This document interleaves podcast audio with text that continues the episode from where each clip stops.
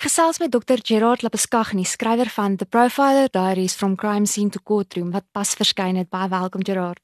Thanks for having me. Daar is tot op hede omtrent 10000 eksemplare van die eerste Profiler Diaries verkoop. Het jy verwag dat die boek so goed sou doen? Well, I think any author hopes. Was I expecting it? I don't know if I was expecting it to do that well.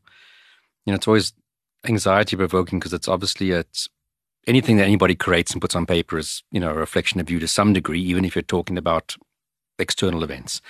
But I think it's worse when you've created the story or when it is a story about your life, which, you know, that's why it's called the Profiler Diaries, that, you know, people aren't going to like it. So I just thought to myself, if the first 2,000 gets sold out, then I'm happy. And I just don't see it in the bargain bin, 50% off, you know, after a month. That'll be great. And of course, it's, it's done really, really great. And that's why they kind of said, hey, would you be interested in another one? Ek wil net vir jou vra, is dit as gevolg van die eerste boek wat so goed gedoen het dat jy besluit het om 'n tweede in te skryf of het jy ook op 'n manier dalk gevoel dat daar nog iets is wat jy met lesers wil deel? Look, I mean, I knew there was there's countless stories that were really interesting, amazing, you know, that had twists and turns and that I think people probably wouldn't even believe was were true, you know, that they say truth is stranger than fiction. So I knew there were lots of stories. I always obviously as I said I was just hoping that the first would sell okay. But I suppose in the back of my mind there always was this thing of if it does well and I feel like doing it because you know you, writing when you don't feel like it is just I think a, a, nightmare torture exercise.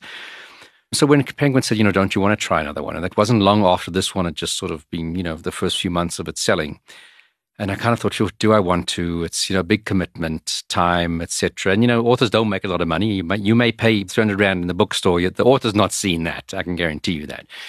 And then, of course, they sort of, and we'll give you a bit of an advance. I thought, okay, well, that really seals the deal. Um, so I'll regret it later, but back then it was okay, great, that's great. So, so yeah, I mean, I knew there were lots of stories, and I thought if people do like the way I tell those stories, I'm prepared to do it.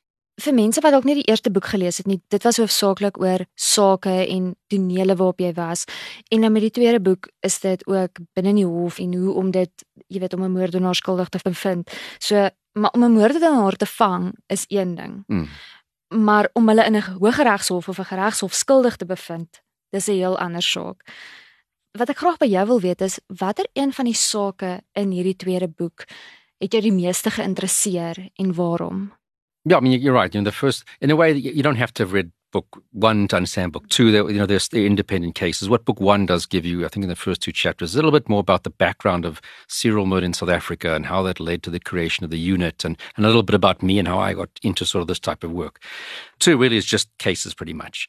So it's always a challenge, and people often forget this, and detectives forget it. That you know, you really have to think not only at the crime scene about who did this, but you also do have to think about why and how and what could be the defense when you go to court because it's like I said, you can arrest anybody and you might have the right person, but if you don't have the evidence, it means nothing. If you don't get a conviction in court, then your arrest means nothing. How everything you do in the early phases always has to be thought of how is this going to be looked at in court? What will and you have to start thinking about what kind of defenses a suspect can present in court, like you know, our equivalent of temporary insanity. If you hadn't been thinking about that on day one, you wouldn't have prepared for that in court five years later, maybe when you do go to court which means it's very difficult to contradict that kind of a defense. So that's very important. As for which which stories, you know, people often ask me, well, which the case that stands out the most? And I when they ask me that after the first book, I always used to say the case of Andrea Venter who was murdered, who I was actually in court today when we were dealing with sentencing. In this particular book, I would say one that really I think you know they're, they're all important to me in some different way but I think the one that really I just found the most fascinating was the guy who threatened to kill Barack Obama. And that wasn't a case of who done it. You know, from day one, he was sending these communications with his name, phone number, address, everything. But it was really that sort of the psychological insight into why someone would want to do that and his thinking around it and the logic, even in his, you know, to use the word insanity, even in his insanity, there was a logic to all the things he was doing, and he did achieve what he was trying to do, but of course at great costs to him personally because he got arrested and eventually sent to a mental hospital for a number of years. So I think that the the sort of King of America, as it's called in the book, really kind of was fascinating. But I think because as I went on later in my career, I started to really find the threat assessment side of things interesting. You know, with the murder cases, I can't fix that. That guy has murdered someone; they're dead. I'm not going to bring them back for their family members. So even when you caught the person, it was like a satisfaction. And when you got them convicted in court, another satisfaction. But you know, you haven't. You got one guy sitting in jail forever, another person dead. There's not really a winner in that sense. And as we started to get more involved in the threat assessment, which is that the King of America chapter deals with threat assessment, as kind of do one of the two of the other chapters, it's about preventing something. It's about picking something up as early as possible, assessing what concern we should have for this behavior that we're seeing, and how to make it not happen. And that's what I found really rewarding about threat assessment as my years went on is that I can actually help stop things from happening. And then when I left the police, that's kind of what I do full time mainly is helping companies when there's concerns for the safety of their staff from another staff member making sort of comments or threats, direct threats, or a, a customer or, or anonymous person who doesn't like the company, who might have mental health issues and sends threatening emails. And we can try and bring people peace of mind, but also you know prevent that threat from actually materializing. And that was, I think, what I really found more and more interesting as time went by. So Gerard, wanneer jy met die sake werk, is daar natuurlik inligting wat 'n mens nie kan deel nie met die publiek nie. So, was dit vir jou 'n uitdaging om dit op papier weer te gee en te besluit wat jy met lesers gaan deel en wat jy gaan terughou? Yeah, I mean, obviously that's why I also didn't write this book when I was in the police or the previous book, wasn't it? Because I knew I wouldn't they wouldn't like the way I'm going to tell the story, which is the, the truth and the inside truth and the ups and downs and the mess ups that the police have sometimes made. In book one, there were a lot of mess ups that that I was wanted to talk about, and I thought I didn't want to tell a story in a sanitized version where you don't talk about that because that's important for people to know that those things happened and important for people maybe they're in the police to read the book to realize how those things unfolded and how how to avoid it again maybe in the future so i knew when i left i would be free to tell everything about the story. You know, so my frustrations with the police, with other police members, with higher ups, with you know national commissioners, etc. And and that I think was important to allow me to tell it the way I wanted to tell it, which could only really been done after I've left the police. And I actually thought the police were going to sue me after the first book, or at least send me some kind of intimidating email from a lawyer, and, and they didn't, probably because they haven't read the book. the higher ups. I mean, a lot of lot of cops have read it and they've really enjoyed it. But yeah, so I'm always surprised that I don't get some phone call from somebody sort of saying, um, you know, we didn't like that.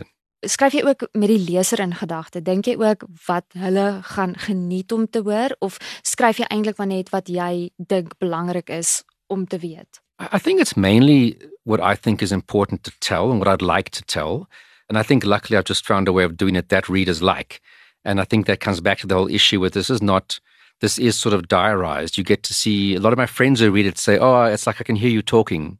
When I read the book. And that's a great compliment for me because that's how I wanted to come across my humor, my outlook on things, my perspective on things. So I just think it worked well for storytelling. Um, so, it, but you also, of course, you have to, and this is the big difference between, you know, having a podcast talking about a case, which I've, you know, a podcast where I, with a couple episodes where I talk about cases versus talking to policemen in a training environment, presenting a PowerPoint, is that the, reader needs more detail. You can't just say, oh, and then we did this. But when? What do you mean when? Well, how long after the first thing did you do that thing? And that's a level of detail that you have to give that, of course, the editors guide you on that and the proofreaders. So that was a bit of a challenge to, to make sure that I'm telling it for a reader audience as opposed to telling it for a listening audience, um, whether it be, a, like I said, training to policemen or a podcast. You know. Hoor jy gereeld van lesers kry jy terugvoer af en wat wil die mense gewoonlik by jou weet? Sure, you know, I do get people who sort of will go Google searching and, and you know, find my email address somewhere or a phone number, and they just, you know, just want to say they like their book, etc. That's always nice to see feedback. I perhaps see the most feedback maybe on Facebook posts, uh, on like sort of some people have books sort of reading Facebook posts or uh, on Twitter actually. I mean, I'll post book two is out and then people say, oh, I've always wanted to read book two. I read book one. So that's quite nice. I mean, you do always, everybody wants feedback and to know that you know that things have gone well and you know that they enjoy what you've put out in, in the way you hoped it. I mean i had one or two people who've had pretty snotty comments that i personally think is i probably arrested them before or their family members but the overwhelming majority have been really nice nice sort of uh, nice comments. So kan ons 'n derde boek verwag of waaraan sure. werk jy op die oomblik? Look there's definitely enough cases. The challenge is like i mentioned earlier find you know you have to have not just the story in your head you literally have to have the case file and and and often on, in our own files that we had for that particular case we're working on because we were asked to do or tasked to do a very specific thing in the case. You know maybe testify at sentencing or you know from the crime scene we did something but then we kind of pull back and then we weren't necessarily involved later on. You don't always have all the start to finish info so if I was very lucky and I was very meticulous with my that particular case I was working on, I would have documented in my little own investigation diary everything and collected everything from the case file. Then you can really write the story nicely. And And I think what I almost found towards the end of this one was I'm running out of cases, not interesting cases, but cases where I have that amount of data that I can tell the little in between bits, fill in the gaps that are required. So, no shortage of stories. I've even thought about writing a book where I talk about cases I worked on after the police, you know, some of the threat assessment stuff, which was fascinating, or cases where I've testified subsequently, sometimes for the prosecution and sometimes for the defense. So, that possibly. I've also thought about writing a book about one case, and that's always a risk because if people don't like the case or think it's interesting in terms of the content of what the case is about, you, you lose the reader. Whereas if you write a, a book that has seven chapters, each one's a different case. Even if you didn't like two of the seven, but you really like the other ones, you'd think it's a good book. Whereas if you don't like the story of this book, you don't like the book. So, and that, that would be the Andrea Venter murder, as I said, that I just came from court this morning, where we'll hopefully find what the judge is going to sentence, sentence him to next week, Friday, the 5th of August. Because it, it, it was over such a long period of time. And then he somehow got you know bail overturned in the high court and then he eventually fled the country and tracing him down in brazil. And then again the brazilians accidentally releasing him uh, two years later and then a gap of a couple of years then trying to find him and getting him back to south africa you know extraditing him. And and just the the, the tale of the two families you know that there's a long history before gerard janse van vuuren ever killed andrea venter from his own background and how he grew up and what he was exposed to by his father, who was in many senses of the words, according to statements, very similar to how he was, and you know that how that you know tore apart the family. I mean, the parents had divorced before that, but you know, he had his mom, Tia Hennings, who also experienced her own abuse, uh, uh, you know, being married, and so it's so many twists and turns, and almost like a reflection on society. And it's not just the murder of Andrea Venter; it's a the bigger story. And of course, the interesting story of how he was caught in Brazil the first and second time and, and brought back. So that I think would, I got enough info. It's a fascinating story. And I thought about including that as a chapter in this book, but I knew I couldn't do justice to the story by putting it into 40 pages.